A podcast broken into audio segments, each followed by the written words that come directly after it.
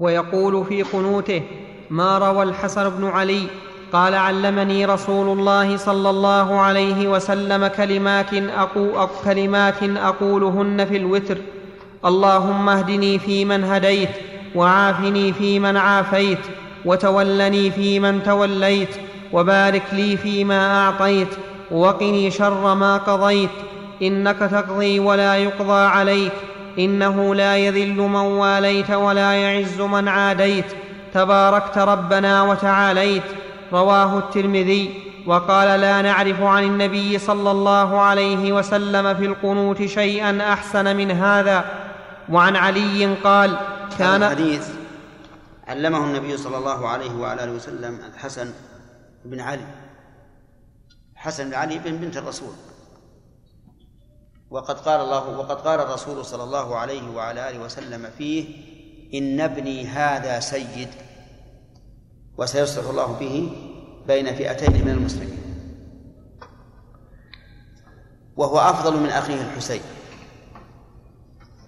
لأن الرسول وصفه بأنه سيد وقال في الحسن والحسين هما سيدا شباب أهل الجنة جميعا. ثم إن الرسول أثنى عليه بانه بأن الله سيصلح به بين فئتين والأمر كذلك. فإنه تنازل عن الخلافة لمعاوية رضي الله عنه. فحقنت بذلك دماء عظيمة كثيرة. علمه هذا الدعاء. اللهم اهدني فيمن هديت. قوله فيمن هديت هذه الجملة يراد بها التوسل إلى الله. أي في جملة من هديت.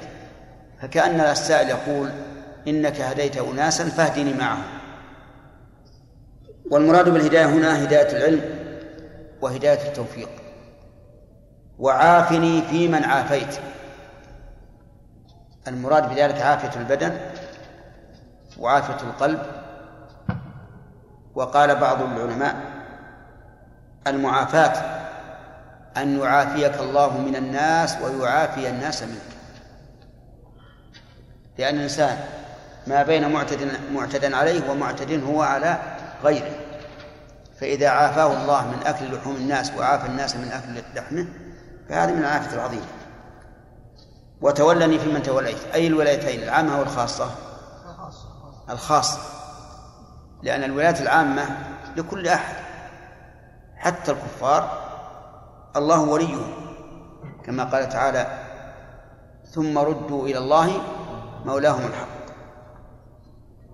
وبارك لي فيما أعطيت فيما أعطيت من المال أو من المال والعلم منهما جميعا. بارك لي فيما أعطيت من المال وفيما أعطيت من العلم. وقني شر ما قضيت ولا قضيت؟ قضيت. قضيت. وما هنا اسم موصول. وليس ولا تصح أن تكون مصدرية. لأنك لو قدرتها مصدرية لكان المعنى شر قضائك وحينئذ يحتاج إلى تأويل. أما إذا جعلناها اسما موصولا صار المعنى وقني شر الذي قضيته. فيكون الشر في المقضي وليس في القضاء. ولهذا قال النبي صلى الله عليه وعلى آله وسلم والشر ليس اليه فالشر في المقضي وليس في قضاء الله. أما قضاء الله الذي هو قضاء أي فعله وتقديره فهو خير. والشر الموجود في مقضياته شر نسبي شر نسبي تجده شرا في حال وخيرا في حال أخرى أو شر على أناس أو تجده شرا على أناس وخيرا على آخرين أليس كذلك؟ المطر خير ورجل يبني وقد صب سقف بنائه الآن فجاءت الأمطار الغزيرة فصار هذا المطر على صاحب البيت شر. إيش؟ شرا لكنه على غيره خير ثم هو بالنسبة لهذا الذي قضي عليه بذلك ليس شرا محضا لأنه سيكون تكفيرا لسيئات عظيمة. قال الله تعالى ظهر الفساد في البر والبحر بما كسبت أيدي الناس ليذيقهم بعض الذي عملوا لعلهم يرجعون. فليس كل ما قضى الله على الإنسان من مصيبة تكون شرا قد تكون خيرا كثيرا يتبين فيما بعد. نعم. إنك تقضي ولا يقضى عليك. نعم صدق. تقضي ولا يقضى عليك. أي تحكم ولا يحكم عليك. ولهذا قال العلماء ليس ليس ليس للناس على الله حق واجب إلا ما أوجبه على نفسه. وفي ذلك يقول ابن القيم رحمه الله ما للعباد عليه حق واجب هو أوجب الأجر العظيم الشان. كلا ولا عمل لديه ضائع إن كان بالإخلاص والإحسان إن عذبوا فبعدله أو نعموا فبفضله والفضل للمنان. طيب إنه إنه لا يذل من وليت ولا يعز من عديت. من كان الله وليه فهو العزيز. ولا يمكن أن يذل أبدا. قال عبد الله بن أبي لئن رجعنا إلى المدينة ليخرجن الأعز منها الأذل. يريد بالأعز نفسه وبالأذل رسول الله صلى الله عليه وعلى آله وسلم. فقال الله تعالى نسلم ذلك أن يخرج الأعز الأذل. لكن من هو الأعز؟ اقرأ اللي بعده. مباشرة ولله العزة ولرسوله وللمؤمنين. ولم يقل ورسول الله الأعز. قال لله العزة ولرسوله وللمؤمنين وأنت يا ابن أبي ما لك عزة. لو قال والأعز و و والأعز رسول الله والمؤمنون لفهم أن لابن أبي عزة وليس كذلك. المهم أن من والاه الله فلا ذل له ولا يعز من عاديت. صحيح. من عاده الله فلا عز له. ولا يرد على هذا ما يحصل أحيانا من انتصار الكفار على المسلمين بأن هذا استدراج وانتصار مؤقت وله سبب من المؤمنين ليكون مصيبة لهم يطهرون كالذي حصل في غزوة أحد. ولهذا قال أبو سفيان يوم بيوم بدر والحرب سجاع لم يظن أن وراء ذلك من حكمة الله ما يخفى عليه وعلى أمثاله. فالحاصل أنه أن من عاده الله فلا عز له. وما يحصل أحيانا من انتصار الكفار على المسلمين فهو استدراج وامتحان وتطهير للمؤمنين وحكم عظيمة له. كما ذكر الله تعالى ذلك في سورة آل عمران. تباركت ربنا وتعاليت. تباركت أي عظمت بركاتك وكثرت خيراتك. وتعاليت أي ترفعت عن كل نقص وعن كل سوء ومن ذلك أيضا علوه بذاته سبحانه وتعالى. والله أعلم. شيخ أحسن الله إليكم. أحسن الله إليكم. قوله وأوتر بالسبع لما أخذه اللحم. وصنع في الركعتين مثل صنيعه الأول. كيف هذا؟ إي نعم يعني صلى بعد الوتر ركعتين. يعني صل لما صلى سبع صلى ركعتين لوحدهما. نعم. حديث الشيخ شيخ الحديث. أحسن الله إليكم. حديث. إذا ح... نعم. حديث. وش اللي عندنا؟ أي حديث؟ اللهم هديت. ها؟ اللهم اهدنا. أي حديث الحسن. حديث الحسن أخذت أنت. ها؟ أخاف تغرز علينا هم مشكلة. قل إن شاء الله. حطه عندك حطه عند آدم ونشوف.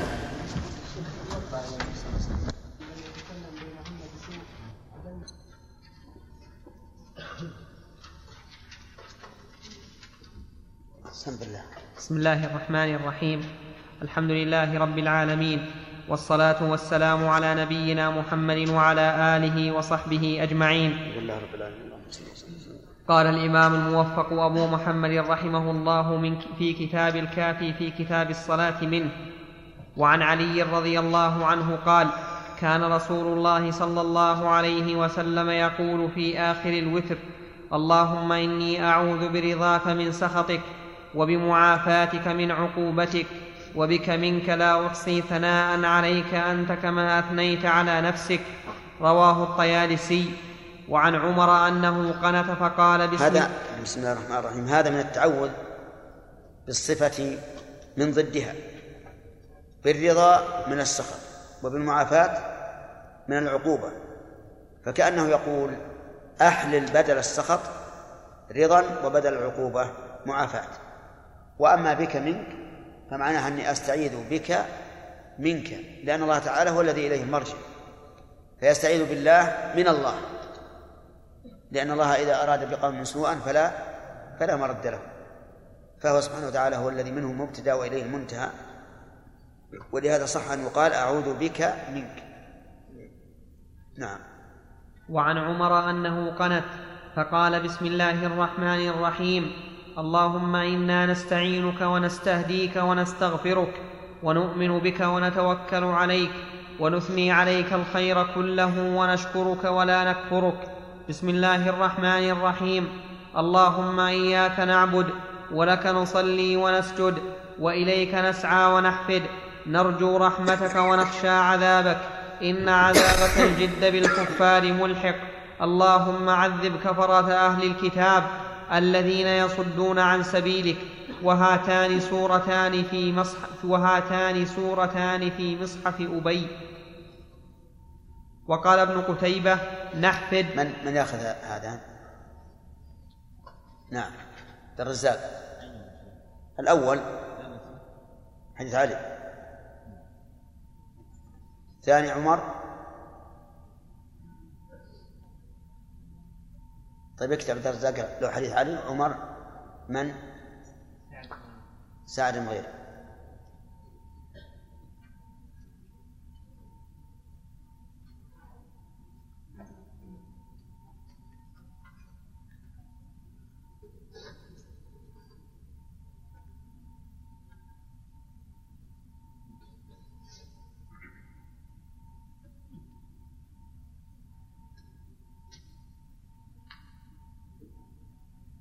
نعم.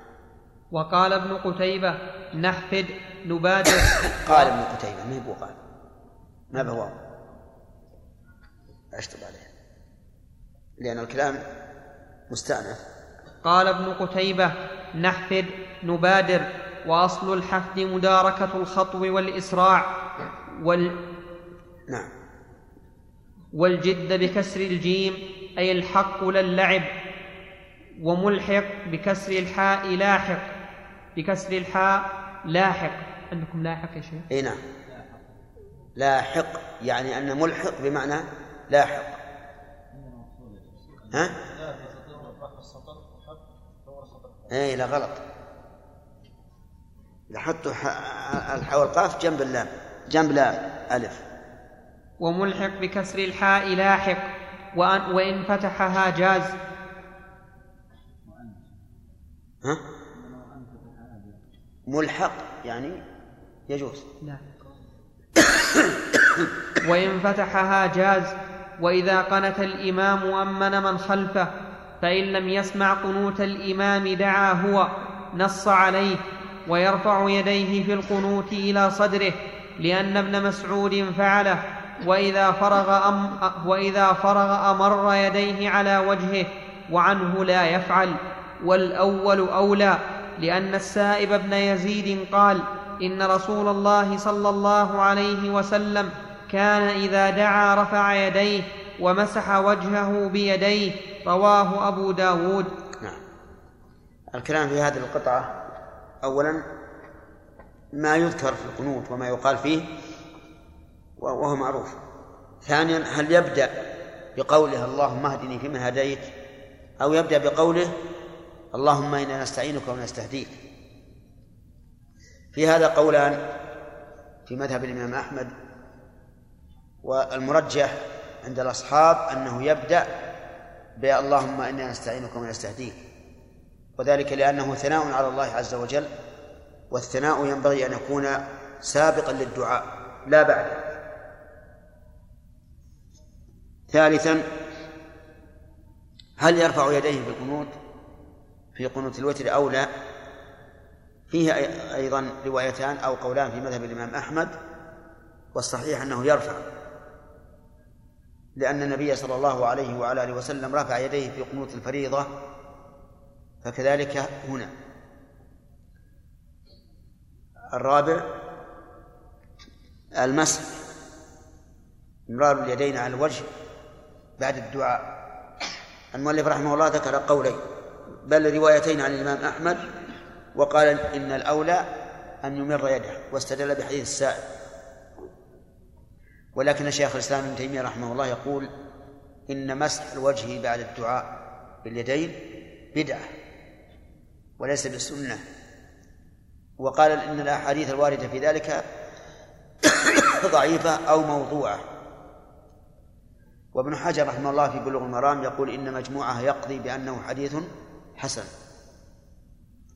لما ذكر الحديث قال إن له طرقا ومجموعها يقضي بأنه حديث حسن والراجح أنه لا يسن مسح الوجه باليدين ولكن لو مسح بناء على طرق هذا الحديث فنرجو أن لا يكون في ذلك بأس.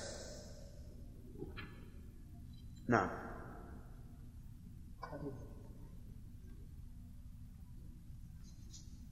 من لهذا الحديث؟ نعم. الاسم؟ نايف.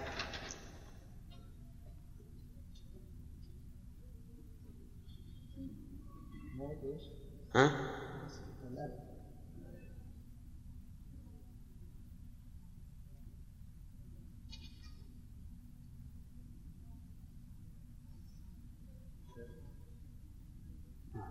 الصدر مع الوجه أشد بدعة لم يرد فيه أبدا ما ورد إلا في عند النوم في قراءة المعوذات. ومسح الوجه شيخ في غير القنوت نعم مطلقا. يعني كان النبي صلى الله عليه وسلم الحديث إذا دعا رفع يديه ومسح بهما ومسح بهما وجهه. مطلقا. نعم. نعم. إيه يحكم بأنه بدعة ولو رأى عن إمامه إذا, إذا لم يصح الحديث فالتعبد به بدعة. نعم؟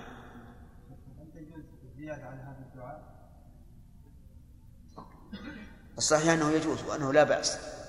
ما لم يشق على الناس فإن شق عليهم فقد غضب النبي صلى الله عليه وعلى آله وسلم لفعل معاذ رضي الله عنه. ثلاث ثلاث نعم فصل النوع الثالث صلاة الضحى وهي مستحبة لما روى أبو هريرة رضي الله عنه قال أوصاني خليلي بثلاث صيام ثلاثة أيام من كل شهر وركعتي الضحى وأن أوتر قبل أن أنام متفق عليه وأقلها ركعتان لحديث أبي هريرة وأثرها ها؟ وأكثرها؟ أكثرها نعم.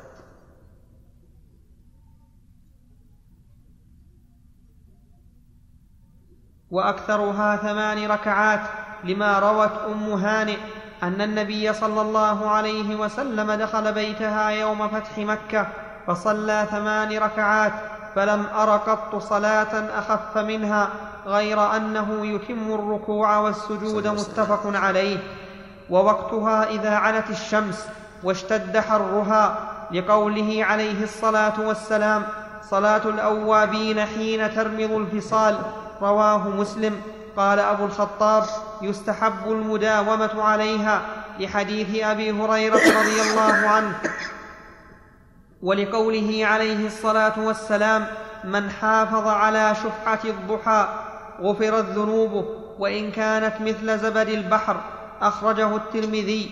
ولأن أحب العمل إلى الله أدومه وقال غيره لا يستحب ذلك لقول عائشة رضي الله عنها ما رأيت رسول الله صلى الله عليه وسلم يصلي الضحى قط متفق عليه ولأن فيها تشبيها بالفرائض. هذه الفصل فيه ثلاث مباحث. الأول صلاة الضحى. هل هي سنة أو لا؟ وفيها للعلماء ثلاثة أقوال. القول الأول أنها ليست بسنة مطلقة واستدلوا بحديث عائشة رضي الله عنها. لأنها قالت إن النبي صلى الله عليه وسلم ما رأيته يصلي الضحى قط وهي من أخص الناس به. ولكن من المعلوم أن مثل هذا لا يصح أن يكون نافيا لما ثبت. لأنه إذا قالت ما رأيت فيقال وغيرها وغيرها رأى. أو جاءت أحاديث قولية غير فعلية تدل على استحبابها. القول الثاني أنها سنة دائمة. عكس القول الأول. فيسن الإنسان أن يصلي ركعتي الضحى دائما. واستدل هؤلاء بحديث أبي هريرة وبحديث يصبح على كل سلامة من الناس صدقة كل يوم تطلع فيه الشمس. قال ويجزء عن ذلك ركعتان يركعهما من الضحى. قالوا فلو لم يكن منها منهما إلا هذه الفائدة لكفى في مشروعيتهما كل يوم. والقول الثالث أن من كان له تهجد من آخر الليل فلا يسن له المداومة عليها.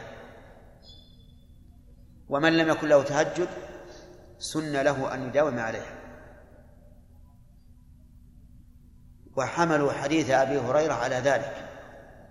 وقالوا إن أبا هريرة رضي الله عنه ليس له تهجد في آخر الليل. لأنه كان يسهر أول الليل لتحفظ أحاديث رسول الله صلى الله عليه وعلى آله وسلم. والدليل على ذلك أن النبي صلى الله عليه وعلى آله وسلم أمره أن يوتر قبل أن ينام. ولو كان من عادة أن يتهجد لأمر أن يوتر في آخر الليل. وهذا القول اختيار شيخ الإسلام ابن تيمية رحمه الله. فتكون مستحبة دائما لمن لم يكن له تهجد. ولا يستحب المداومة عليها لمن لمن كان لمن كان له تهجد. وقال إن هذا يجمع بين الأحاديث الواردة عن النبي صلى الله عليه وعلى آله وسلم من قوله وفعله. البحث الثاني ما أقلها وما أكثرها. أقلها ركعتان وأكثرها ثمان. أما كون أقلها أما كون أقلها ركعتين فظاهر. لحديث أبي هريرة وركعتي الضحى. وأما كون أكثرها تمام فلحديث ابن هانئ ولكن الصحيح أنه لا حد لأكثرها. الصحيح أنه لا حد لأكثرها. وأن الإنسان يصلي ما شاء.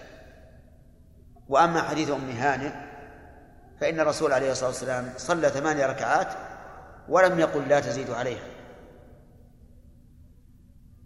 وأيضا فقد نازع بعض العلماء في هذه الصلاة التي صلاها النبي صلى الله عليه وعلى آله وسلم حين فتح مكة فقال بعضهم إنها صلاة فتح وليست صلاة ضحى. واستحب لكل من فتح بلدا أن يصلي ثمانية ركعات. فيكون الخلاف هنا في أصل المسألة. آه، المسألة الثالثة ظاهر كلام المؤلف أن وقت صلاة الضحى لا يكون إلا بعد ارتفاع الشمس وعلوها. هو الصحيح أنه يكون من حين زو من حين زوال النهي وذلك بأن ترتفع الشمس قيد رمح لكن آخر أو آخر الوقت أفضل من أوله. ويمتد وقتها إلى قبيل الزوال أي إلى أن يدخل وقت النهي عند زوال الشمس. نعم. الحديث اللي عندنا. حديث أبي هريرة آخر شيء. من؟ ها؟ سامح جنبك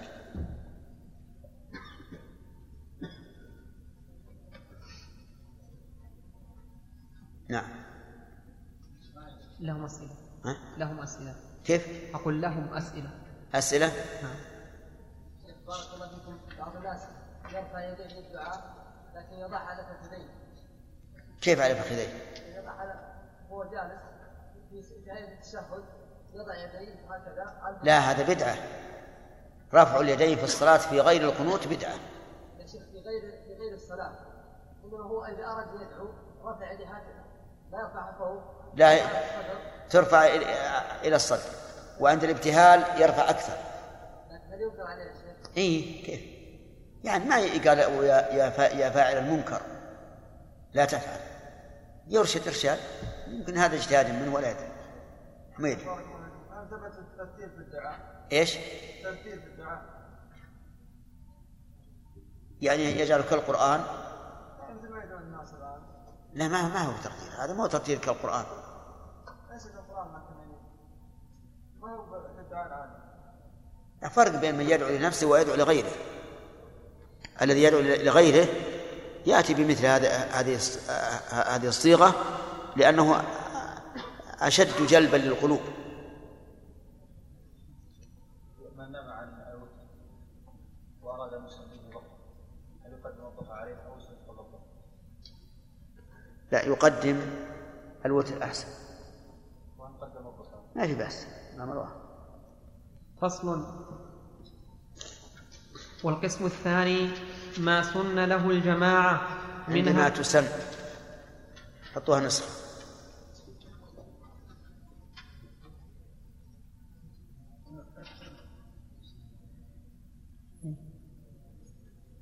نعم.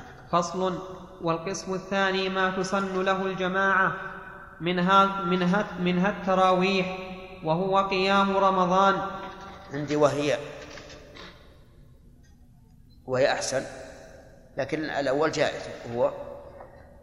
وهي قيام رمضان وهي سنة مؤكدة لأن النبي صلى الله عليه وسلم قال من صام رمضان وقامه إيمانا واحتسابا غفر له ما تقدم من ذنبه متفق عليه.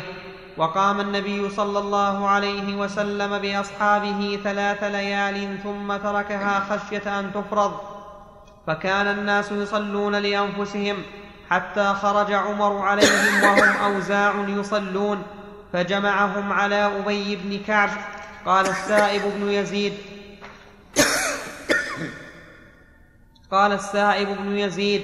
لما جمع عمر الناس على أبي بن كعب كان يصلي بهم عشرين ركعة فالسنة أن يصلي بهم عشرين ركعة في الجماعة لذلك ويوتر نعم.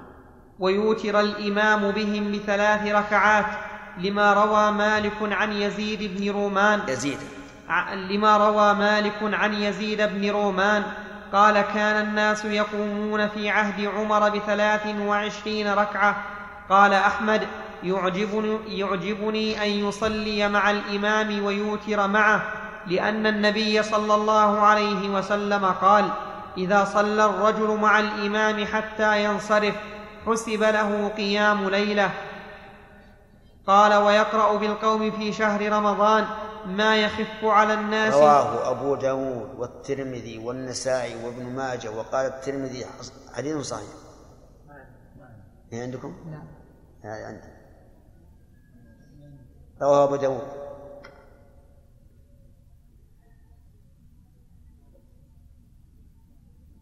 نعم. والترمذي. والنسائي. وابن ماجه. هذا اللي عندي. والنسائي وابن ماجه. وقال الترمذي حديث صحيح.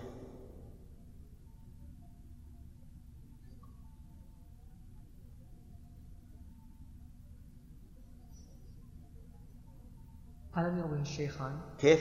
ما رواه البخاري؟ لا. لا ما ما هذا في السنن.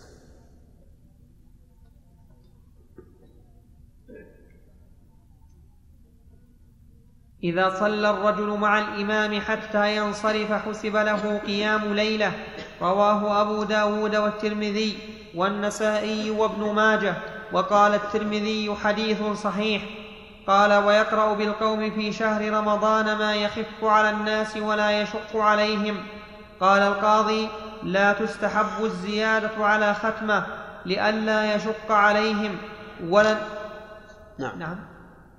ولا, ولا النقصان منها ليسمعهم جميع القرآن إلا أن يتفق جماعة يؤثرون الإطالة فلا بأس بها وسميت هذه تراويح لأنهم كانوا يجلسون بين كل أربع يستريحون وكره أحمد التطوع وكره أحمد التطوع بينها وقال فيه عن ثلاثة من أصحاب رسول الله صلى الله عليه وسلم كراهية عبادة وأبو الدرداء وعقبة بن عامر.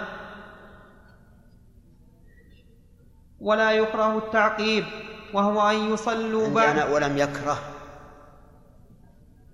حطوها نسخة.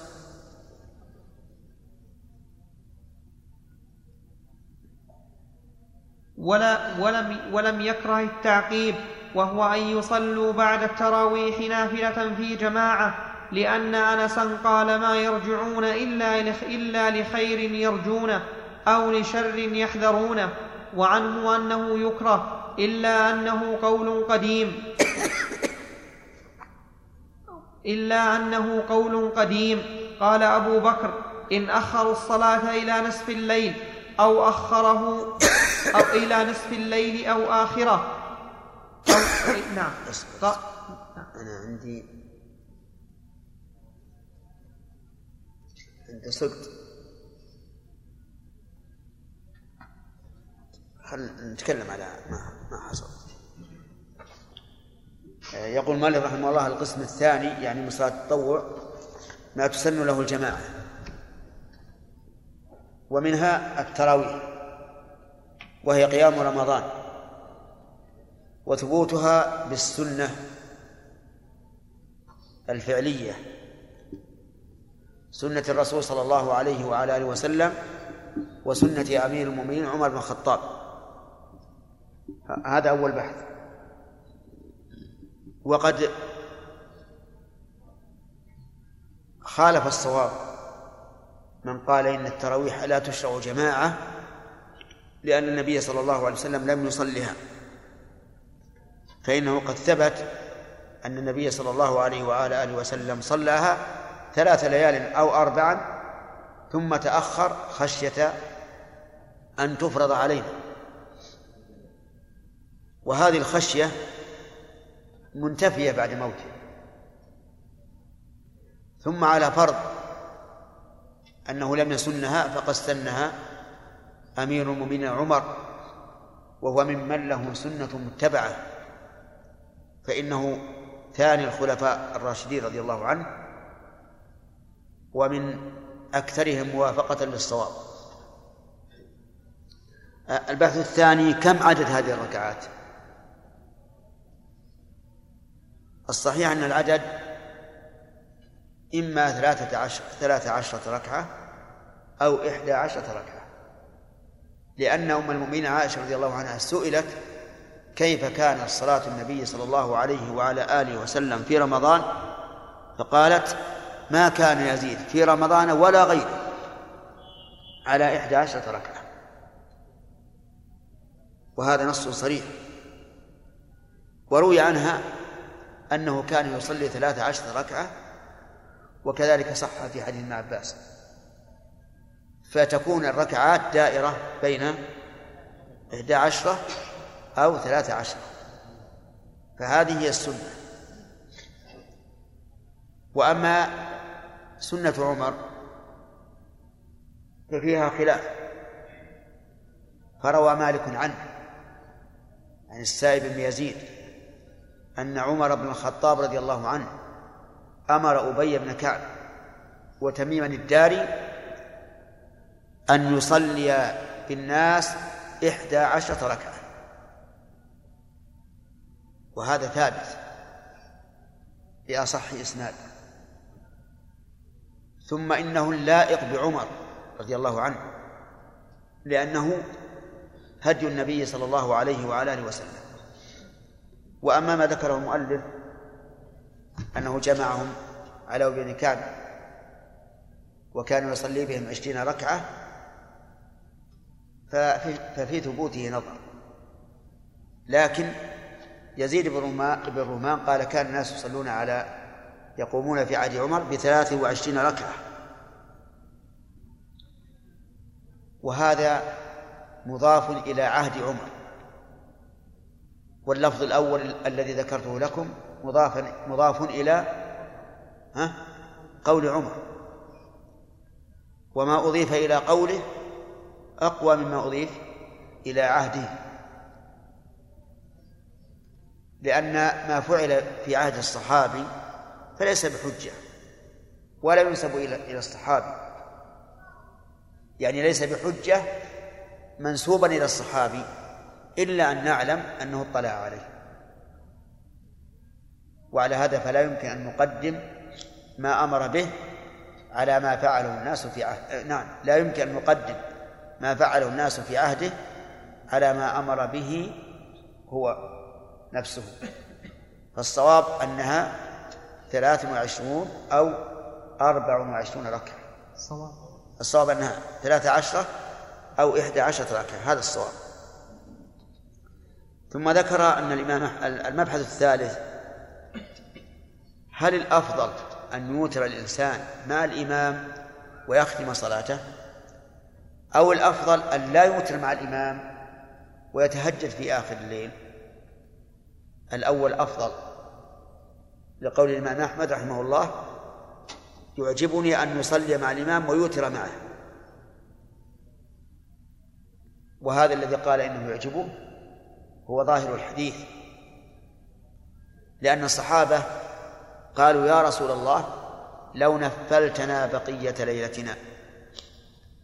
فقال إنه من صلى مع الإمام حتى ينصرف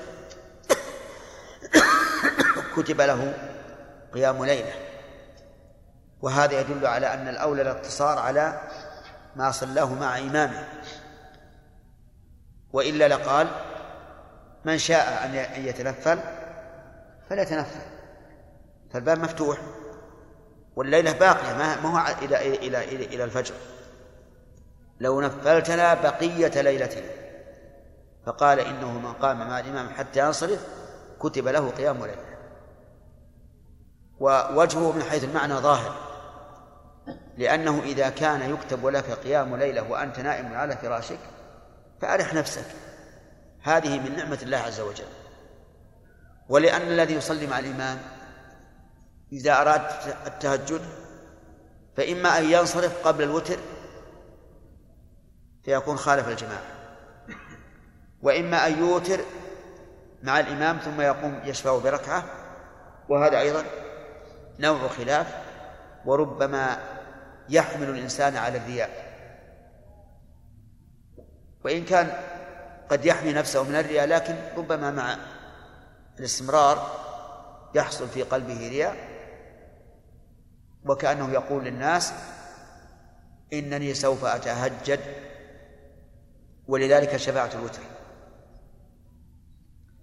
آه، البحث الثالث. الرابع. هل يختم القرآن بهم كله أو ما تيسر؟ استحب الفقهاء رحمهم الله أن لا ينقص عن ختمه ولا يزيد عليها. أن لا ينقص لأجل أن يسمعهم جميع القرآن ولا يزيد لئلا يشق عليه. وبناء على ذلك يكون عمل الناس اليوم من الشيء الذي لا ينبغي. لأنهم يزيدون على ختمه. فتجدهم يختمون في التراويح الصلاة الأولى في أول الليل ثم في التهجد يزيدون. إما أن يختموا أو يقلوا عن ختمه وهذا لا لا ينبغي لأنه يشق على الناس. ولكن ولله الحمد في أزماننا المتأخرة صار الذي يتولى إمامة المساجد في رمضان غالبهم طلبة علم فيحملون الناس على فعل السنة. لا يزيدون على إحدى عشرة أو ثلاثة عشرة ركعة حتى في العشر الأواخر. لا يزيدون عليه يصلي في أول الليل أربع ركعات طويلة ثم ينصرف الناس إلى بيوتهم ثم يأتون في آخر الليل ويصلون ما بقي. وهذا عمل حسن. طيب. يوافق السنة مع راحة الناس والمطلوب هو الراحة مع فعل السنة. وأظن ساعتنا أعلى في الانتهاء. نعم. أي حديث؟ ها؟ لا يا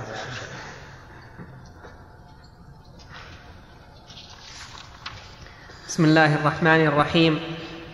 الحمد لله رب العالمين. والصلاة والسلام على نبينا محمد وعلى آله وصحبه أجمعين. قال المؤلف رحمه الله الموفق أبو محمد رحمه الله في كتاب الصلاة من كتاب الكافي ولا يكره التعقيب وهو صلاة التطوع.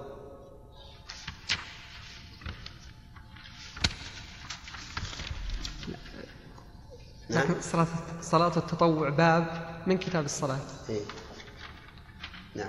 قال رحمه الله في باب في باب صلاة التطوع ولا يكره التعقيب وهو أن يصلوا بعد التراويح وهو أن يصلوا بعد التراويح نافلة في جماعة لأن أنسا قال ما يرجعون إلا لخير يرجونه أو لشر يحذرونه وعنه أنه يكره إلا أنه قول قديم. قال أبو بكر إن أخروا الصلاة إلى نصف الليل أو أخره لم يكره رواية واحدة. قال أحمد فإذا عندك وكره أحمد التطوع بينهما. إيه هذا اللي وقفنا عليها سم. هذا اللي قبل قبل بشوي. طيب طيب. وكره أحمد التطوع وكره أحمد التطوع بينها وقال فيه عن ثلاثة من أصحاب رسول الله صلى الله عليه وسلم كراهية. عبادة وأبو الدرداء وعقبة بن عامر ولا يكره التعقيب وهو أن يصلوا بعد التراويح نافلة في جماعة لأن أنسا قال ما يرجعون إلا لخير يرجونه أو لشر يحذرونه وعنه أنه يكره إلا أنه قول قديم. قال أبو بكر إن أخروا الصلاة إلى نصف الليل أو أخره لم يكره رواية واحدة. قال أحمد فإذا أنت فرغت من قراءة قل أعوذ برب الناس فارفع يديك, قبل فارفع يديك في الدعاء قبل الركوع وادع, وادع وأطل القيام. رأيت أهل مكة وسفيان بن عيينة يفعلونه واختلف أصحابنا في قيام ليلة الشك فقامها القاضي لأن القيام تبع للصيام ومنعها أبو حفص العك ومنعها أبو حفص العكبري. لأن ومنعها أبو حفص أبو حفص العكبري لأن الأصل بقاء شعبان ترك, ترك ذلك في الصيام احتياطا ففيما عداه يبقى على الأصل.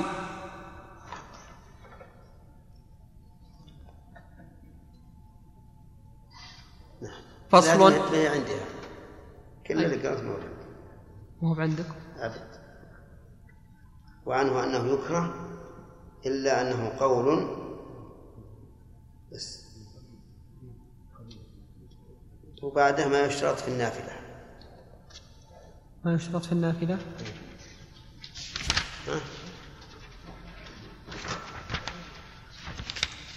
لا عندي صدق يمكن واجب. ما يمدي أن نكتبه.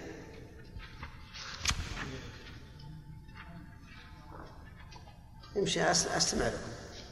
لا بس عشان نعطيكم إياه يا شيخ نعم. أقول نعطيكم إياه. لا. الظاهر يجي يجي سجل التلاوة. الظاهر التلاوة. كم بازي؟ وجهين. وجهين. أو, أو ثلاثة بعد. ها؟ طيب. الظاهر أحسن الله إليكم. لكم كتاب من داخل ولا لا؟ مجلد. أدري ما أظن.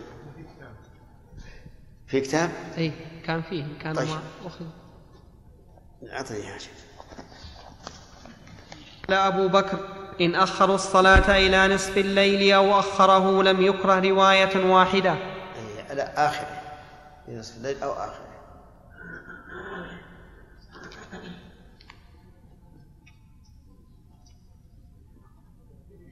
التعقيب. التعقيب بعد التراويح. يعني هل يرجعون ويصلون مرة ثانية؟ كما هو فعل الناس الآن في العشر الأواخر يرجعون ويصلون. لكن التعقيب هل هو بعد التراويح وقبل الوتر أو بعد التراويح والوتر؟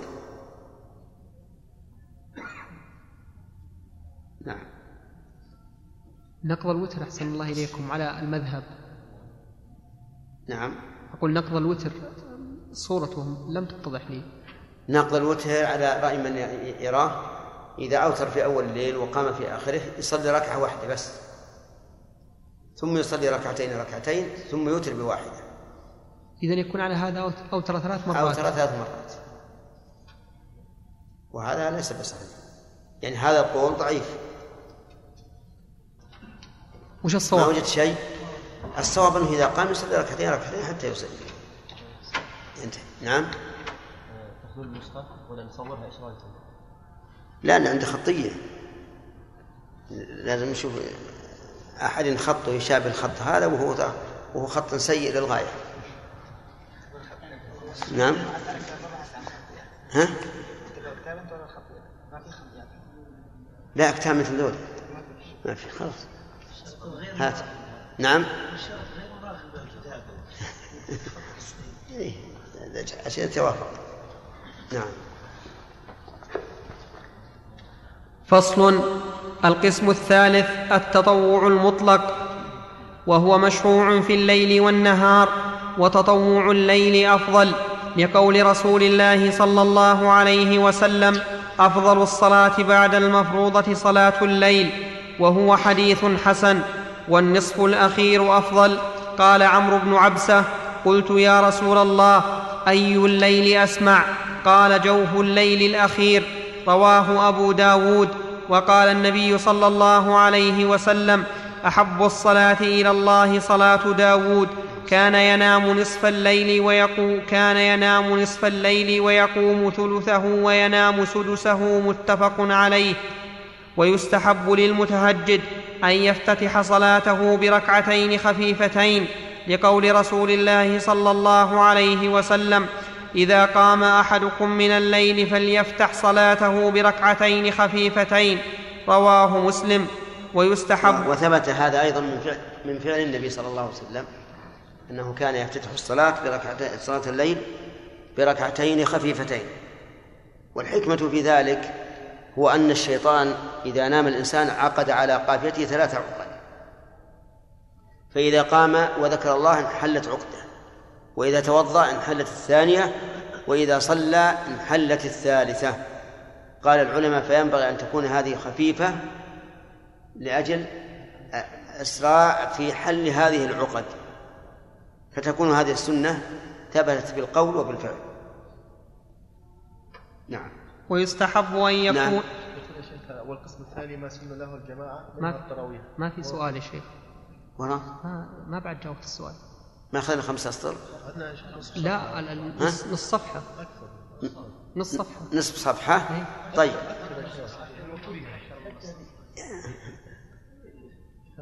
والقسم الثاني ما سن له الجماعة من التراويح.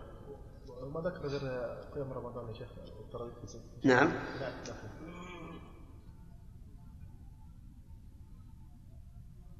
هي قيام رمضان. ترى في قيام رمضان؟ ما ذكر صلاة الجماعة نفلا إلا التراويح. ها. في باب صلاة الاستسقاء الاستسقاء نفل وصلاة الكسوف. على على القول بأن صلاة الكسوف سنة. لكن ما أردنا نستوعب أن نستوعب. تأتي في مكان. نعم. أسمع يعني أقرب للإجابة. السمع هنا سمع الاستجابة. ها؟ بلى لكن هذا أقرب. كما قال رسول أقرب ما يكون العبد من ربه وهو ساجد. نعم. شيخ ألا يحتمل أن تكون ركعتين خفيفتين إيش؟ ألا يحتمل أن تكون ركعتين خفيفتين هي هي سنة العشاء؟ ال- كل الأحاديث التي ترد عن النبي صلى الله عليه وسلم في قيام الليل طويله وحدث تفطر قدماه وما اشبه ذلك نعم. لا ما هو هذه هذه لأجل أن الإنسان تنحل عنه العقد بسرعة. طب لو أحب الإنسان أن يؤخر راتبه العشاء إلى بعد النوم؟ الرسول قال إذا قام أحدكم من الليل فليستفتح أو فليفتتح صلاته بركعتين. ما هي سنة العشاء؟ سنة العشاء قبل النوم. ويستحب إيش؟ كيف؟ لا ما بقي ثلاث ثلاث. تخريج الحديث عندنا حديثين أفضل الصلاة بعد بعد الفريضة؟ هذا ما جاء في الصحيح. بلى بلى بلى بلى جاء صحيح لكن المؤلف ما لعله في تلك الساعة ما استحضر. ولهذا بخرج إن شاء الله. نعم. هذه واحد أفضل الصلاة. لمن؟ آدم. آدم زكريا. طيب حديث عمرو بن عبسة سامح وحديث آه، داود ما ما أحتاج متفق عليه.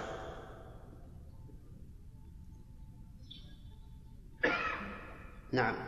ويستحب أن يكون له ركعات معلومات ويستحب أن يكون له ركعات معلومة. يقرأ فيها حزبه من القرآن لأن رسول الله صلى الله عليه وسلم قال أحب العمل إلى الله الذي يداوم الذي يدوم عليه صاحبه وإن قل متفق عليه.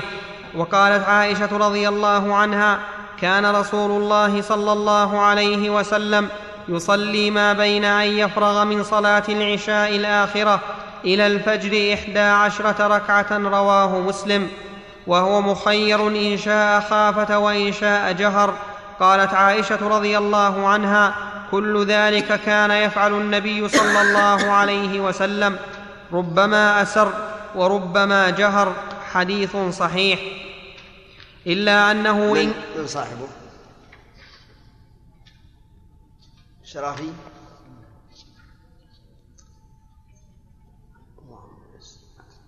إلا أنه إن كان إن كان يسمع من ينفعه أو يكون أو يكون أنشط له وأطيب لقلبه فالجهر أفضل.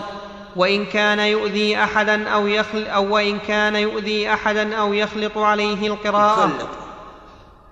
وإن كان يؤذي أحدا أو يخلط عليه القراءة فالسر أولى. فإن أبا سعيد قال اعتكف رسول الله صلى الله عليه وسلم في المسجد فسمعهم يجهرون بالقراءة فكشف الستر وقال ألا إن كلكم مناج ربه فلا يؤذين بعضكم بعضا ولا يرفع بعضكم على بعض في القراءة. رواه أبو داود. فصل. وي... ها عبد الله؟ طيب. فصل ويستحب أن يختم القرآن. نعم. كم معنا الصفحة؟ لا ما كملنا؟ يا يا يا, يا, يا جماعة أنا اللي سبحان الله موكل إليه التحديد. ما بعد مضينا. قرينا خمسة أسطر من هنا نعم، نعم. مثل لا خمسة ما أسطر من أخذنا هنا. بعد بعد الأسئلة آه. الأخيرة. نعم. أثر عائشة نعم. أثر عائشة. أثر عائشة من اللي يأخذ؟ أنت؟ نعم لأن هذا ما هو أثر. هذا مرفوع لكن غاب عنه.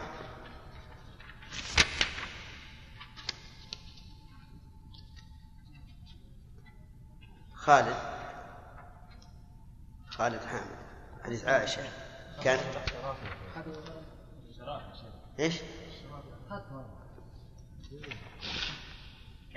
كان يفعل ربما أسر أخذته أنت؟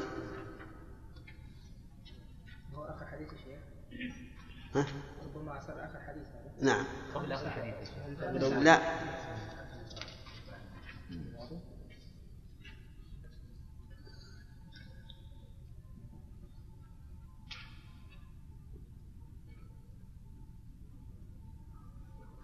نعم.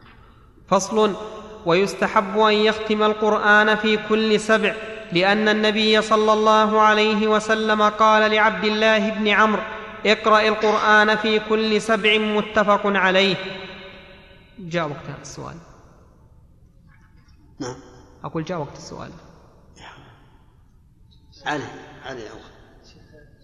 في اعتكاف الرسول صلى الله عليه وسلم في المسجد قال فكشف الستر. كذا. نعم. نعم يعني أنه كان محتجز بستر الرسول. إي نعم. وأنا أذكر يوم من الأيام في ذكرت عن الاعتكاف. قلت لو اعتكفت أنا ما اعتكفت بالحجرة هذه. إيه. وش الفرق بين الحجرة هذه وبين الرسول كان بستر لا فرق. لكن الرسول خاف من إن الصحابة يصلون بصلاته ويشق عليهم هذا. ولهذا لما علموا بذلك وصلوا تركه ترك ماذا؟ ترك الصلاة جماعة. لا أنا السؤال الفرق بين الحجرة لأنك ذكرت أنت الحجرة هذه. لا فرق لا يس- يجوز الاعتكاف بها. أي نعم ما في شيء. وش وجه الكراهة؟ لك؟ نعم أنت كراهة؟ ما أعتكف بها. يعني كراهة ليش؟ الاعتكاف بالحجرة هذه هذه إن إنما قلت لا أعتكف بها لأني خشيت أن لا تكون المسجد لأنها أصلا ما من المسجد. هي. و... وبنوها منفردة عن المسجد ولهذا فيها حمام يعني الآن. نعم. ها. ما ما الراجح من قول المؤلف آه، في صلاة التراويح ليلة الشك وكذلك اعتاده الناس في صلاة التراويح قبل أن تتبين رؤية هلال شوال نعم. الصحيح إنه ما يصلى. صحيح إنها ليلة الشك لا تصلى وكذلك لا يصام. وقد عرفت أن أن صيام يوم الشك حرام.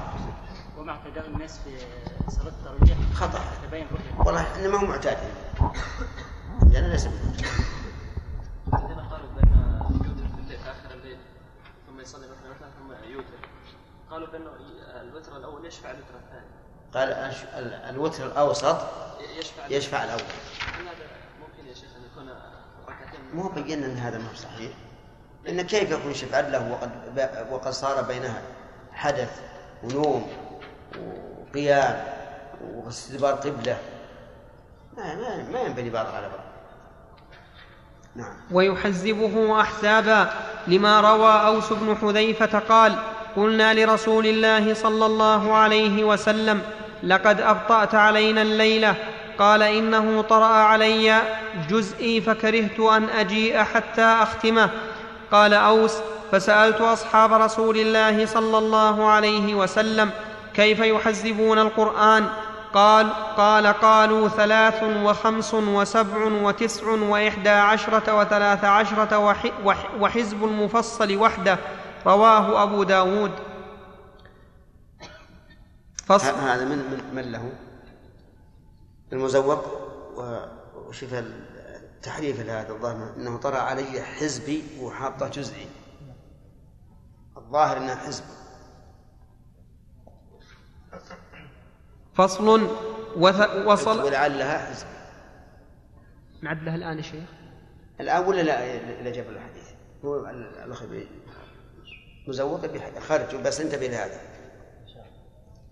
فصل وصلاة الليل مثنى مثنى لا يزيد على ركعتين لما روى ابن عمر أن النبي صلى الله عليه وسلم قال صلاة الليل مثنى مثنى قيل لابن عمر ما مثنى مثنى قال تسلم من كل ركعتين متفق عليه وإن تطوع في النهار بأربع فلا بأس لأن تخصيص الليل بالتثنية دليل على إباحة الزيادة عليها في النهار والأفضل التثنية لأنه أبعد من السهو. والط- وهذا بناء على أن قوله صلاة الليل والنهار ليست بصحيحة زيادة النهار أما من صححها فيرى أنه لا فرق بين الليل والنهار. وممن صححها الشيخ عبد العزيز باز قال إنها صحيحة. وهي مختلف فيها. لكن من صححها ألحق. صلاة الليل النهار بالليل. والتطوع في البيت أفضل لقول رسول الله صلى الله عليه وسلم عليكم بالصلاة في بيوتكم فإن خير صلاة الرجل في بيته إلا المكتوبة رواه مسلم ولأنه من عمل السر ويجوز منفردا وفي جماعة لأن أكثر تطوع النبي لأن أكثر تطوع لأن أكثر تطوع النبي لأن أكثر تطوع النبي تطوعي؟ نعم. لأن أكثر تطوع النبي صلى الله عليه وسلم كان منفردا. وقد أما ابن عباس في التطوع مرة وحذيفة مرة وأنسا واليتيم مرة فدل على جواز الجميع. لكن لا يتخذ هذا سنة دائما أحيانا لا بأس به. فقد أما ابن عباس كما قال وأما حذيفة وأما ابن مسعود رضي الله عنه وأما أنس واليتيم فليس في صلاة الليل. إنما هو لما ذهب إلى أم سليم لطعام صنعته ودعت النبي صلى الله عليه وسلم إليه أمه عليه الصلاة والسلام. لكنه ليس في صلاة الليل. كما فعل ذلك في عتبان بن مالك حين دعاه عتبان ليصلي في مكان يتخذه مصلى له. والمهم أن صلاة الجماعة أحيانا لا بأس بها في النفع سواء في صلاة الليل أو صلاة الضحى أو غيرها. نعم. نعم شراف. بارك الله فيك. إذا كان هذا المصلحه للتسميع. لمصلحة مثل؟ واحد على واحد. يجلسون يقومون كيف؟ تسميع القرآن. نعم. مثلا بدل ان يجلسون في احدهم يقع الآخر؟ من من يأتي دوره يقوم؟ يصلي ويصلي الآخر معه يعني قصد صلاة. الجماعة هذا شيء. الصلاه صلاة. صلاة النافلة جماعة أحيانا لا بأس بها. أما اتخاذها سنة راتبة كلما كان كل ليلة مثلا نصلي فهذا ليس بمشروع إلا في رمضان. لو كان ولا ولا لمصلحة. ما ما نسن شريعة المنهج المصلحة. والمصلحة هذه تحصل بقراءتهم وهم في غير صلاة. نعم. المعسكرات أحيانا إذا خرجوا مده أسبوع أو عشرة أيام أو أقل نعم. آه، يصلون في آخر الليل. جماعة. نعم جماعة. إي نعم. وأحيانا تكون أغلب هذه المدة ليس كل ليلة. لا هو الأحسن ما ما يصلونها كل ليلة. لا يصلونها كل ليلة. أنشط لل... للأفراد لأن بعضهم ينام أو بعضهم كذا فإذا صلوا جماعة يكون أنشط لهم. ما هو كل ليلة لابد يفصل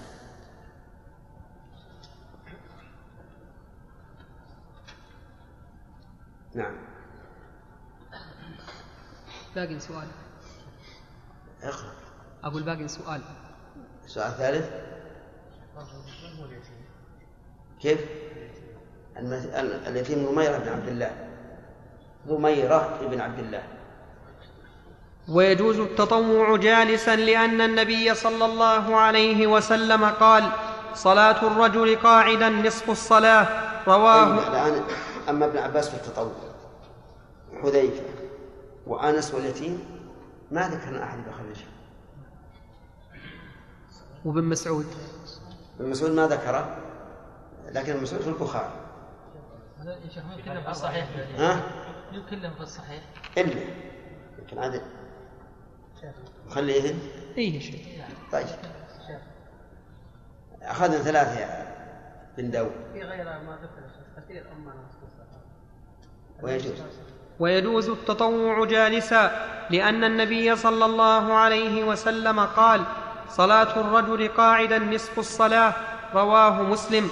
ولأن الحاجة تدعو إلى ذلك. لأنه يستحب تطويله وتكثيره فسومح في ترك القيام تكثيرا له ويستحب أن يكون في حال القيام متربعا ليخالف حالة الجلوس ويثني رجليه حال السجود لأن حال الركوع كحال القيام.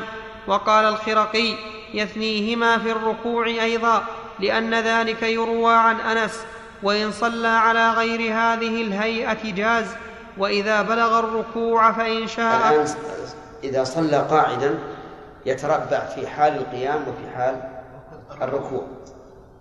لأن حال الركوع كحال السجود لأن حال الركوع كحال القيام.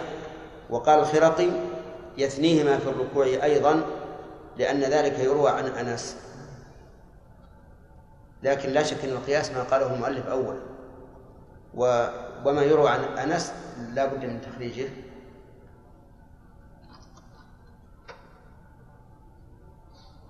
ضرب طرفي.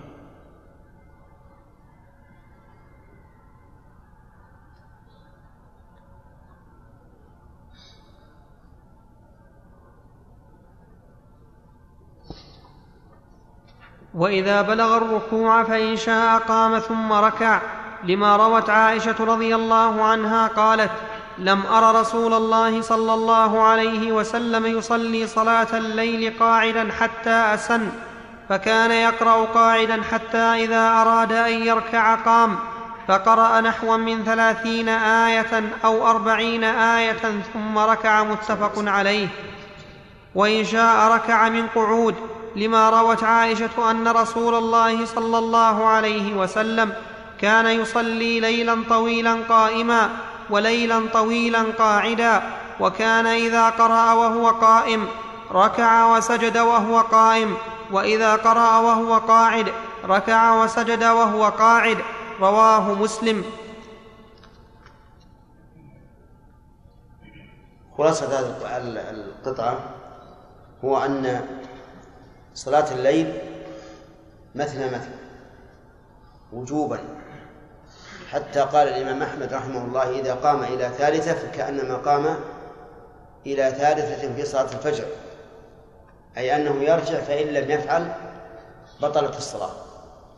وفي النهار الأفضل أن تكون مثنى مثنى وإن تطوع بأربع فلا بأس. ثانيا مكان التطوع. التطوع في البيت أفضل. لقول النبي صلى الله عليه وسلم صلاة الرجل في بيته أفضل أو فإن خير صلاة الرجل في بيته إلا المكتوب ولأن ذلك أقرب إلى الإخلاص وأبعد من الرياء. ولأجل أن لا تكون بيوتنا قبورا ومن أجل أن يشاهد العائلة كبيرهم يصلي فيألفون الصلاة. فلهذا فلهذه المعاني صار الصلاة في البيت أفضل. المسألة الثالثة التطوع هل يشترط له قيام؟ الجواب لا. فأما قوله تعالى وقوموا لله قانتين فذلك في الفريضة. لقول النبي صلى الله عليه وسلم لعمران بن حسين صل قائما فإن لم تستطع فقاعدا فإن لم تستطع فعلى جنب. أما النافلة فالقيام ليس ركنا فيها فيجوز أن يتطوع وهو جالس ولكن القيام أفضل إلا لعذر. وكيف يكون في حال القيام إذا صلى قاعدا يكون متربعا في حال القيام وفي حال الركوع وأما في حال السجود وفي حال الجلوس فيكون ثاني الرجلين نعم قيام النبي صلى الله عليه وسلم عند الركوع عند القراءة لماذا لا تستمر الصلاة قعودا كلها؟ ها؟ لماذا لا تستمر الصلاة قعودا كلها؟ كان يفعل هذا مرة وهذا مرة. في الأحاديث اللي عندنا أنه يفعل هذا مرة وهذا مرة. نعم مي. بالنسبة لتحية المسجد هل يصح الإنسان يصلي بها قاعد؟ إي نعم. النبي صلى الله عليه وسلم نهى يقعد قبل أن يصلي. إي حتى يصلي ركعتين. أنا الآن أصلي ركعتين. أنا ما جلست إلا لأصلي. نعم. ها؟ الفرق بين صلاة الليل والوتر التهجد هو ما كان بعد بعد النوم والوتر معروف ينويه. نفل معين. وصلاة الليل نفل مطلق. ثلاثة. ثلاثة؟ نعم. لكن لا بأس. لا ما يصير. تمنعنا ثم تقول لا بأس. أذكركم الشيخ نعم. فصل. القسم الرابع.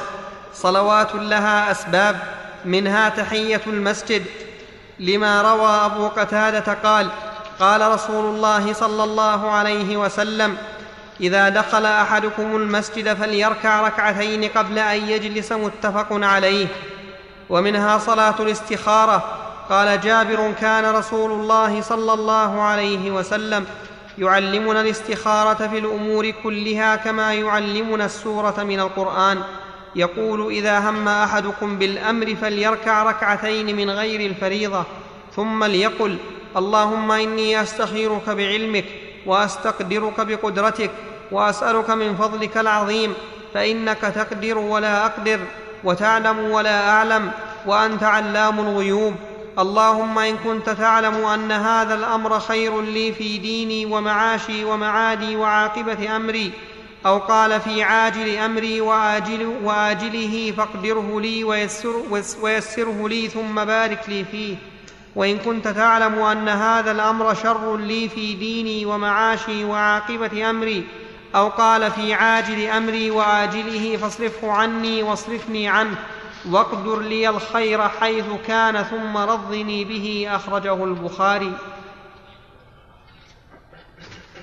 في أيضا ذوات اسباب غير غير الذي ذكر المؤلف مثل صلاة الكسوف على القول بأنها سنة صلاة الاستسقاء آه، التصدق على من دخل وقد فاتته الصلاة آه، سنة الوضوء. المهم إن ذوات الأسباب ليست محصورة كما قال المؤلف يعني ليست محصورة بما قال المؤلف. انتهى الوقت. الركوع ويثني في حال الجلوس وفي حال السجود سيكون ساجدا. نكتب لم يجد. نعم. شيخ طلبت مني أيضا تحرير مسألة حزبي أو جزئي نعم. أنت ذكرتنا في روايتين. إي نعم. طيب. ذكر ابن القيم الرواية الثانية. اللي؟ في في مسند الإمام أحمد حزب من القرآن. حزب من القرآن في مسند الإمام أحمد. في رواية وفي رواية أبي داود جزئي. قرأ عليه جزئي. وفي رواية آه، ابن ماجه حزبي أيضا. طبعا ذكرنا أن الحزب أقرب في الشرع بعده. خلاص.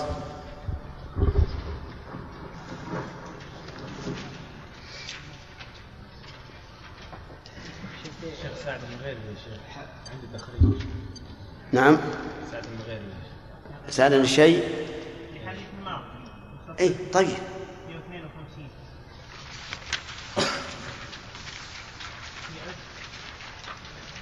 أثر عمر رضي الله عنه أنه قال في الفرقان بسم الله الرحمن الرحيم اللهم إنا نستعينك ونستهديك ونستغفرك ونؤمن بك.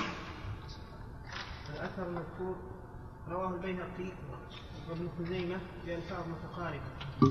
البي- البيهقي في المجلد الثاني كتاب الصلاة باب دعاء القنوت. وابن خزيمة في الجزء الثاني رقم الحديث 1001 قال الألباني في رسالة قيام رمضان إسناده صحيح. انتهى. طيب.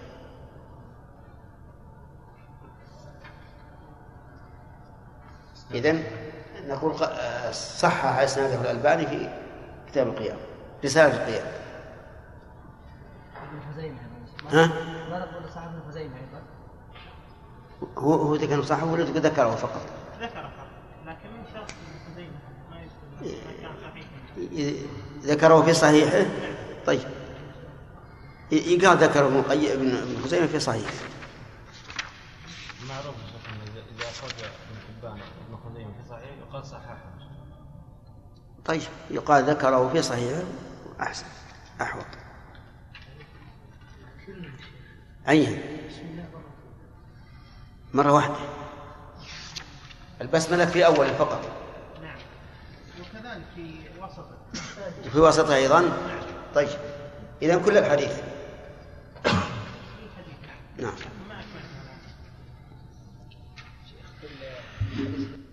حديث الاستخارة. إيه. فيه إن كان خيرا لي في مع... في ديني ومعاشي ومعادي في الأولى والثاني كان شرا لي في في ديني ومعاشي وعاقبة أمري. يعني زيادة معاني هذه في الأولى وحذفها في الثانية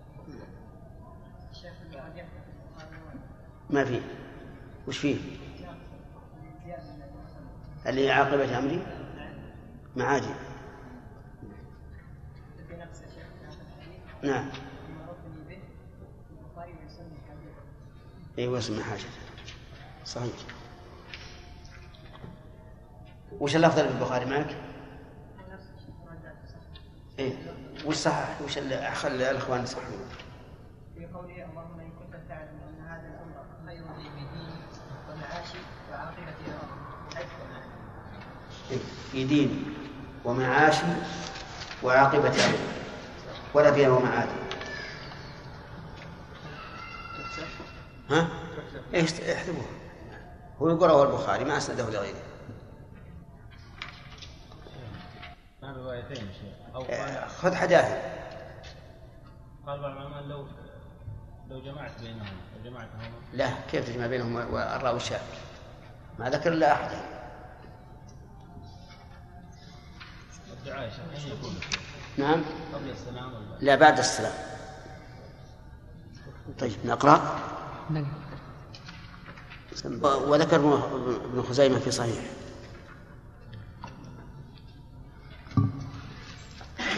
معكم يا شيخ أظنها ناقصة نسختكم. لا اللي معنا اللي معي بارك الله فيك. ما يشترط للنافلة سجود التلاوة. فصل وسجود التلاوة واقفين عليه. وقف على سجود التلاوة؟ أي نعم. طيب. عندكم هذا؟ نعم. عندكم؟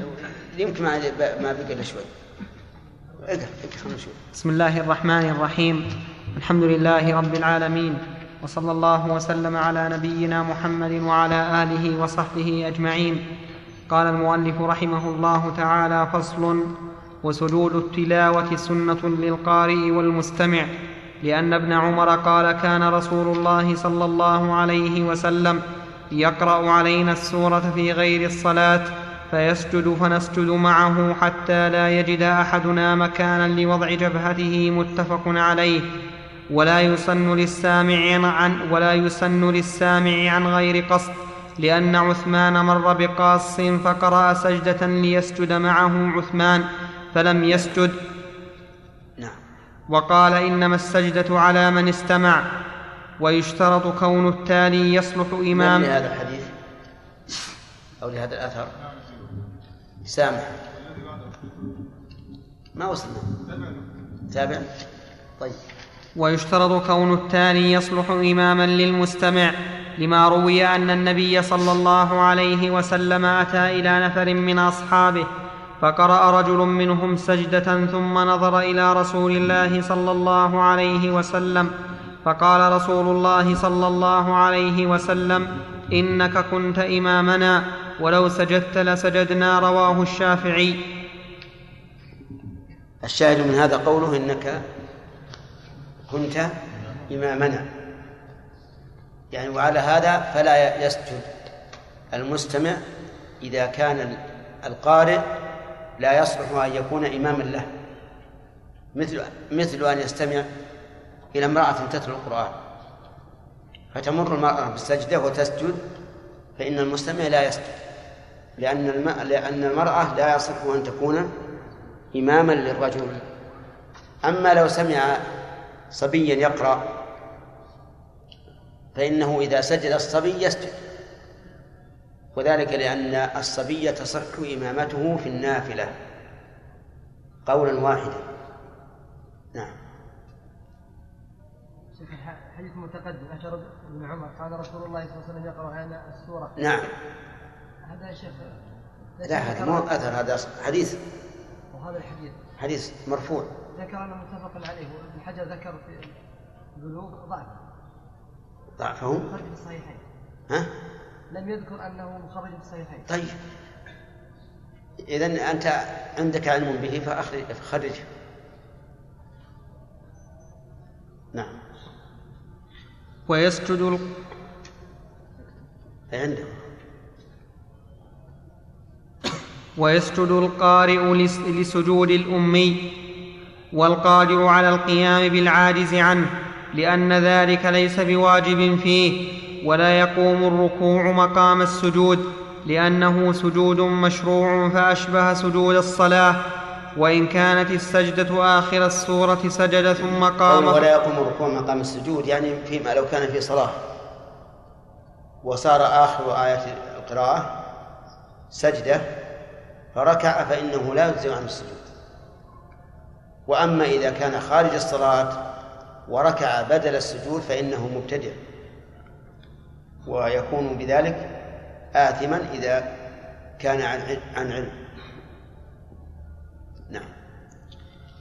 وإن كانت السجدة آخر السورة سجد ثم قام فقرأ شيئا ثم ركع وإن أحب قام ثم ركع من غير قراءة وإن شاء ركع في آخر السورة لأن السجود يؤتى به عقيب الركوع. فهذه ثلاث حالات. إذا كانت السجدة في آخر السورة مثل كلا لا تطعه واسجد واقترب. فإما أن يسجد فإما أن يسجد فإذا قام قرأ شيئا ما حتى يلحق المأمومون به ثم ركع. أو يقوم من السجود ولا يقرأ يركع. وحينئذ ينتظر قليلا من أجل أن يتكامل المأمومون في القيام. أو يركع وظاهر كلامه أن سجود الصلاة التي الذي يكون بعد الركوع يجزئ عن سجود التلاوة. لأنهما عبادتان من جنس اتفقا في الوقت ولكن هذا القول فيه نظر. لأنه وجد الفاصل بين السجود والتلاوة وهو الركوع. فلا يظهر ما ذهب إليه المؤلف. نعم. وسجود وسجود التلاوة غير واجب. نعم. عندكم؟ غير واجب. لأن زيد بن ثابت قال قرأت على النبي صلى الله عليه وسلم النجم فلم يسجد فيها متفق عليه. وقال نعم. وقال عمر يا أيها الناس إنما نمر بالسجود فمن سجد فقد أصاب ومن لم يسجد فلا إثم عليه ولم يكتبها الله علينا. نعم. وله أن يومئ ما بالسجود. ذكر من خرجه؟ لا. أقول ما ذكر المؤلف؟ اي ما ذكر. ما ذكر لا ابدا ما ذكر. الحديث رواه البخاري بمعناه. أن عمر بن الخطاب رضي الله عنه خطب يوم الجمعة فقرأ سورة النحل. فلما وصل إلى السجدة نزل فسجد. نزل من المنبر فسجد. ثم قرأها من الجمعة الأخرى ولم يسجد. ثم قال إن الله لم يفرض علينا السجود إلا أن نشاء. وهذا بمحضر من الصحابة رضي الله عنهم. ولم نعلم أن أحدا أنكر عليه. وقيل بل سجود التلاوة واجب لأن الله تعالى أنكر على الذين لا يسجدون فقال وإذا قرئ عليهم القرآن لا يسجدون فذمهم بذلك والصواب أنه ليس بواجب لأن عمر بن الخطاب رضي الله عنه صرح بأنه ليس بفرض أمام الملأ من الصحابة ولم ينكر عليه أحد وأما السجود الذي في قوله تعالى وإذا قرئ عليهم القرآن لا يسجدون فإن القائلين بوجوب السجود التلاوة مستدلين بهذه الآية لا يقولون بظاهرها قطعا لأن ظاهرها أن مجرد قراءة القرآن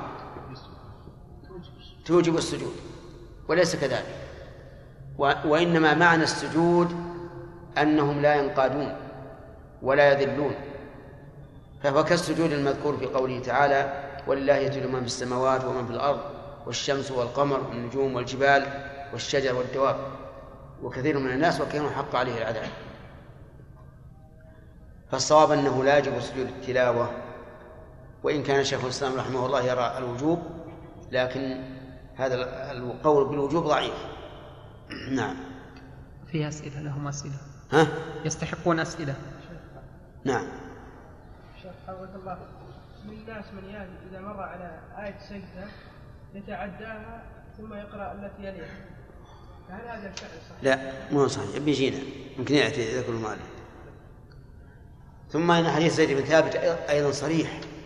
فإن زيدا قرأ سورة النجم ولم يسجد ولو كان السجود واجبا لأمره النبي صلى الله عليه وسلم بذلك.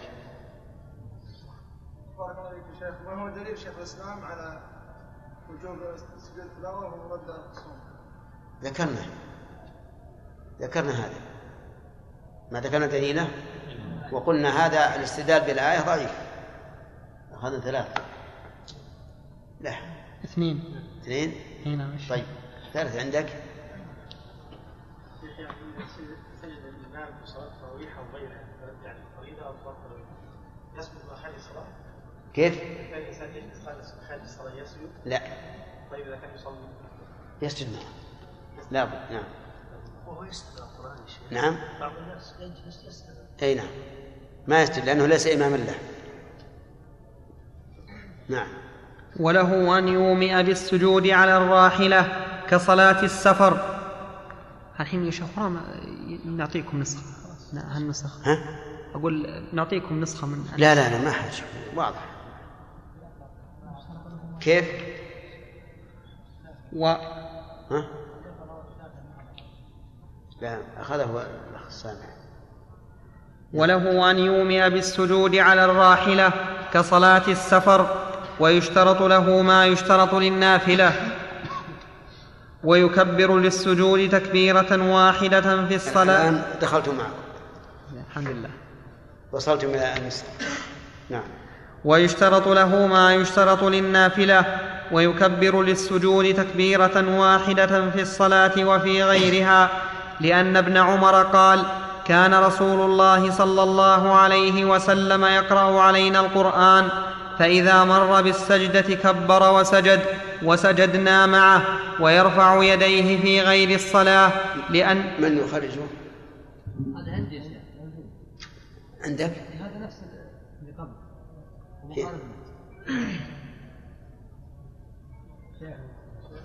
هذا ذكره الحافظ ابن حجر اي نعم. داود إيه، وذكر أيضا ابن القيم في ذات المعاد. المهم معروف من يخرجه الآن؟ الشراف اي نعم. يا أخي الله يقوي. نعم.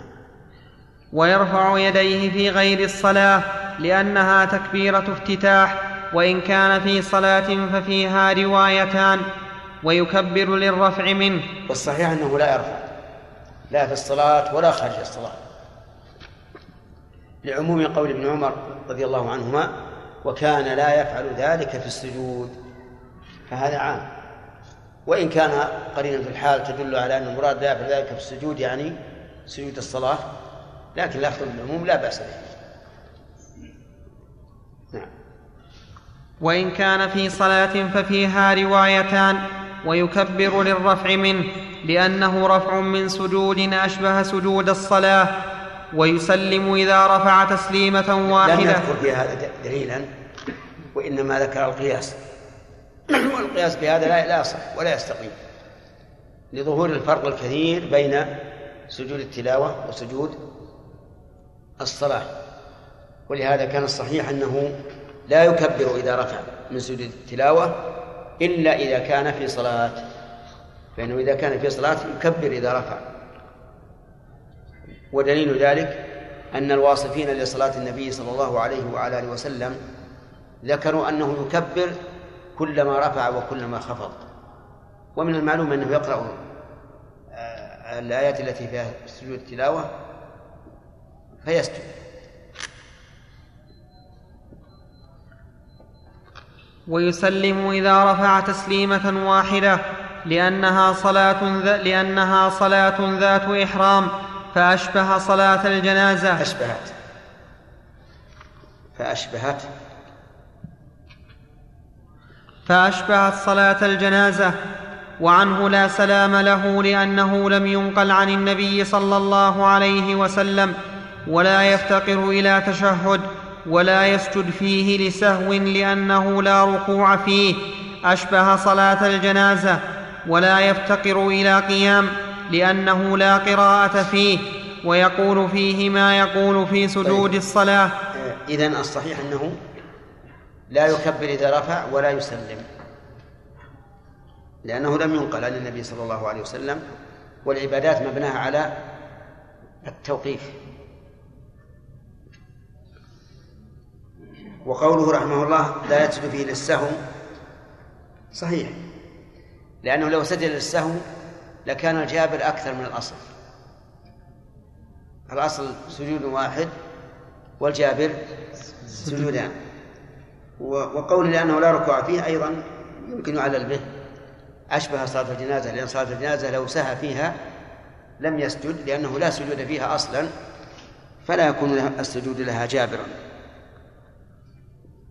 نعم. ويقول فيه ما يقول في سجود الصلاة وإن قال ما روت عائشة رضي الله عنها أن النبي صلى الله عليه وسلم كان يقول في سجود القرآن سجد وجهي سجد وجهي للذي خلقه وصوره وشق سمعه وبصره بحوله وقوته فحسن عندنا وبحوله وقوته. نعم ما هو؟ سمى وبصره بحول. فحسن وهذا حديث صحيح وإن قال غيره من مما خرجه ها؟ طيب. محمد؟ علوي. وإن قال غيره مما ورد في الأخبار فحسن. ومنه أنه ينبغي أن يقول سبحانك اللهم ربنا وبحمدك اللهم اغفر لي. لقوله تعالى إنما يؤمن بآياتنا الذين إذا ذكروا بها خروا سجدا وسبحوا بحمد ربهم. نعم. لهم أسئلة. أظن نعم. شغال.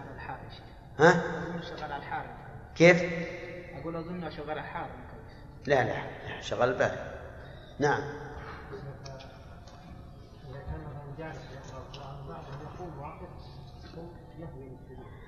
أي نعم. الأظهر عدم القيام. الأظهر أنه يسجد لغير قيام. لكن روي عن عائشة رضي الله عنها أنها سجدت